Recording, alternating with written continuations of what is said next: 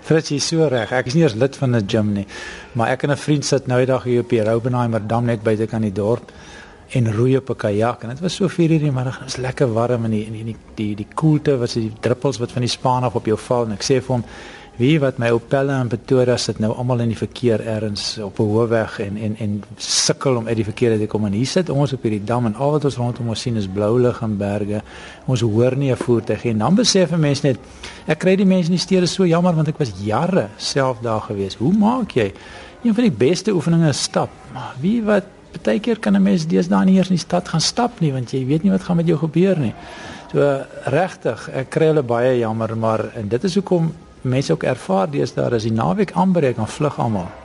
Hulle vlug na die klein plekkies toe. Hulle wil tog net daar kom waar dit stil en rustig is. En die Roubenheimer dam wat ek jou van vertel het, is geleë in 'n area met die naam van rust en vrede. Nou ek wil jou vertel as 'n mens daar is dan ervaar jy lyflik definitief die rus en die vrede. Dit is dis ongelooflik. Kom ons kyk na die omgewing en van die aangewese plekke waar jy vir mense wat nou na ons luister oor Suid-Afrika gaan sê waarom hulle na hierdie omgewing toe moet kom as toerist en ook as iemand wat lief is vir die natuur. Is daar 'n paar hoogtepunte in die omgewing?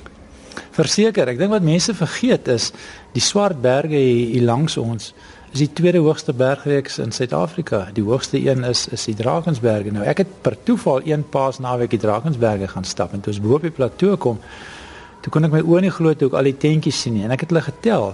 Daar was 24 tentjies. Uh soos mense gekamp het. En nou kyk ek na die Swartberge. Ek loop hier in die Swartberge redelik gereeld en jy sien net niemand nie. So ek wil amper sê dat Suid-Afrika se besbewaarde geheim is die ongelooflike skoonheid van die Swartberge.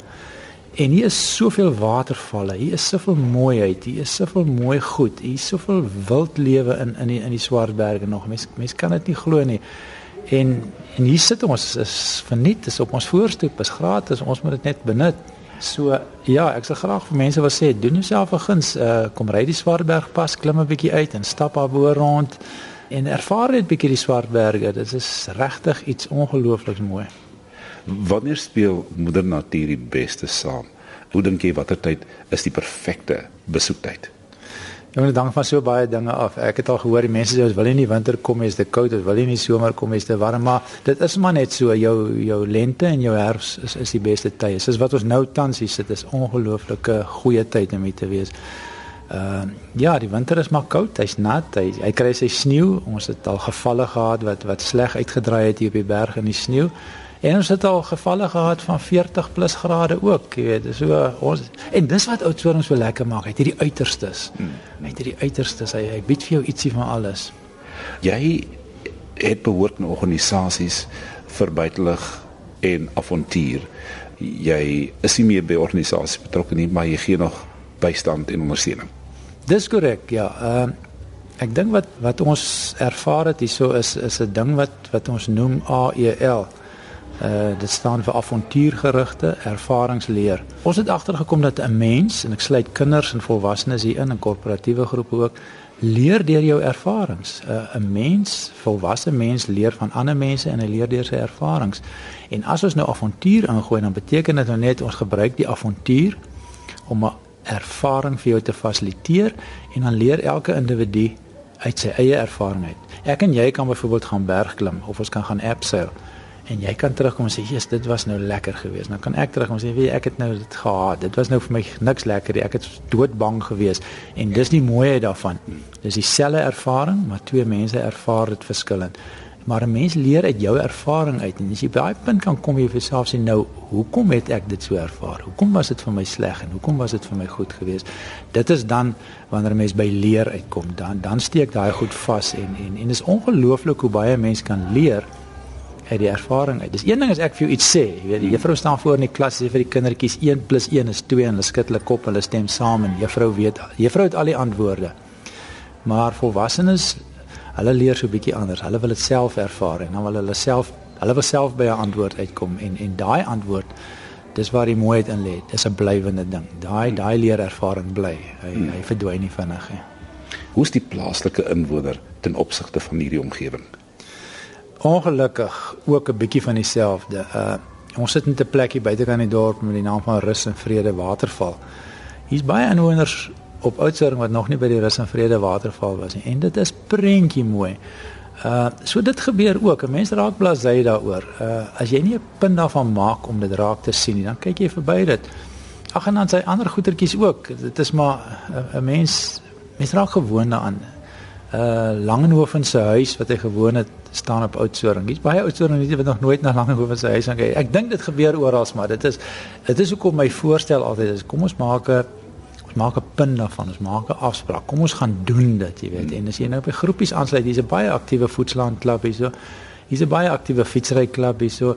Hier's 'n baie uh, aktiewe 4x4 klub en hier's 'n quad klub en al die tipe van goed. So as 'n mens moet maar betrokke raak en en dis dan wanneer jy as as as lid van die klub is wanneer hulle begin 'n ehm um, uitstappies reël en en goed hmm. doen. Dis wanneer 'n ou regtig betrokke raak aan die buitelug. Maar jy moet iets doen. Dit gebeur nie van self nie. Jy dis 'n wilsbesluit. Jy moet eers besluit ek wil dit doen en dan kry jy sommer baie geleenthede om dit te doen. En nogmaals mense van reg oor die land wat nou na ons luister, sal nou wonder, jy het nou 'n paar aktiwiteite genoem. Wat gaan ek daar kom doen? Moet ek my fietsse saambring? Watter tipe fietsse moet ek padfietsse saambring? Geef ons 'n paar net so agtergrond van die tipe aktiwiteite wat moeder natuur hier bied.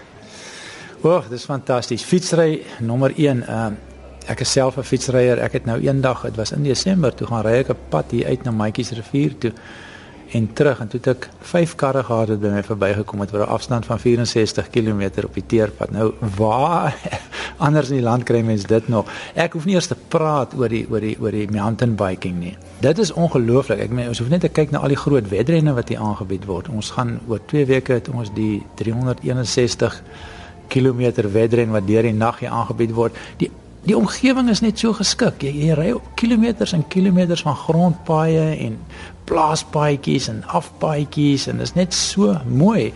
Ek wonder of iemand al bietjie die die Swartberg pas gaan ry met 'n bergfiets. Dis dis dis dis ongelooflik. Dis wat hy is. So die hardlopers kan geakkommodeer word. Uh die fietsryers kan geakkommodeer word. Hier is die mees ongelooflikste damme wat beskikbaar is vir sport. Nou nou wat ek van die damme hou hierso die veral die Robenheimer dam is daar word nie motorbote toegelaat nie, maar jy kan jou kajak vat na gaan roei vir ure aan mekaar uh sonder dat jy iemand pla of sonder dat iemand jou pla. Die natuur hier is hier's abseiling aktiwiteite. Hier's grotkruip. En min mense besef dat die Kango grotte is hierso en dit is pragtig. Dit is, is groot, dis majestueus. Jy kan dit nie glo jy binne is nie, maar Hier's 'n hele klomp ander grotte ook wat nie oop is vir die algemene publiek nie wat 'n mens wel kan gaan besoek as jy die gids saamvat. En daar sien mense die fynste van fynste van delikaatste formasietjies. Uh en en mense kan kom grot kruip, dan kry jy 'n 'n helm op jou kop met 'n lamp en dan gaan jy saam met die gids en jy gaan verken letterlik 'n grot. Dit is hier is net so baie om te doen. Ag ek praat nie eers van die gestruktureerde aktiwiteite van ehm uh, warmlugballonne en meer katte gaan kyk en al daai goed nie. Hier is net hope, hope goed om te doen in die natuur. 'n Mens kan 'n hele vakansie kom deurbring in Oudtshoorn deur hier jou basis te maak en net elke dag uh iets te gaan ervaar hierso in Oudtshoorn wat wat wat jy nie baie plekke in die wêreld kry nie, hoor.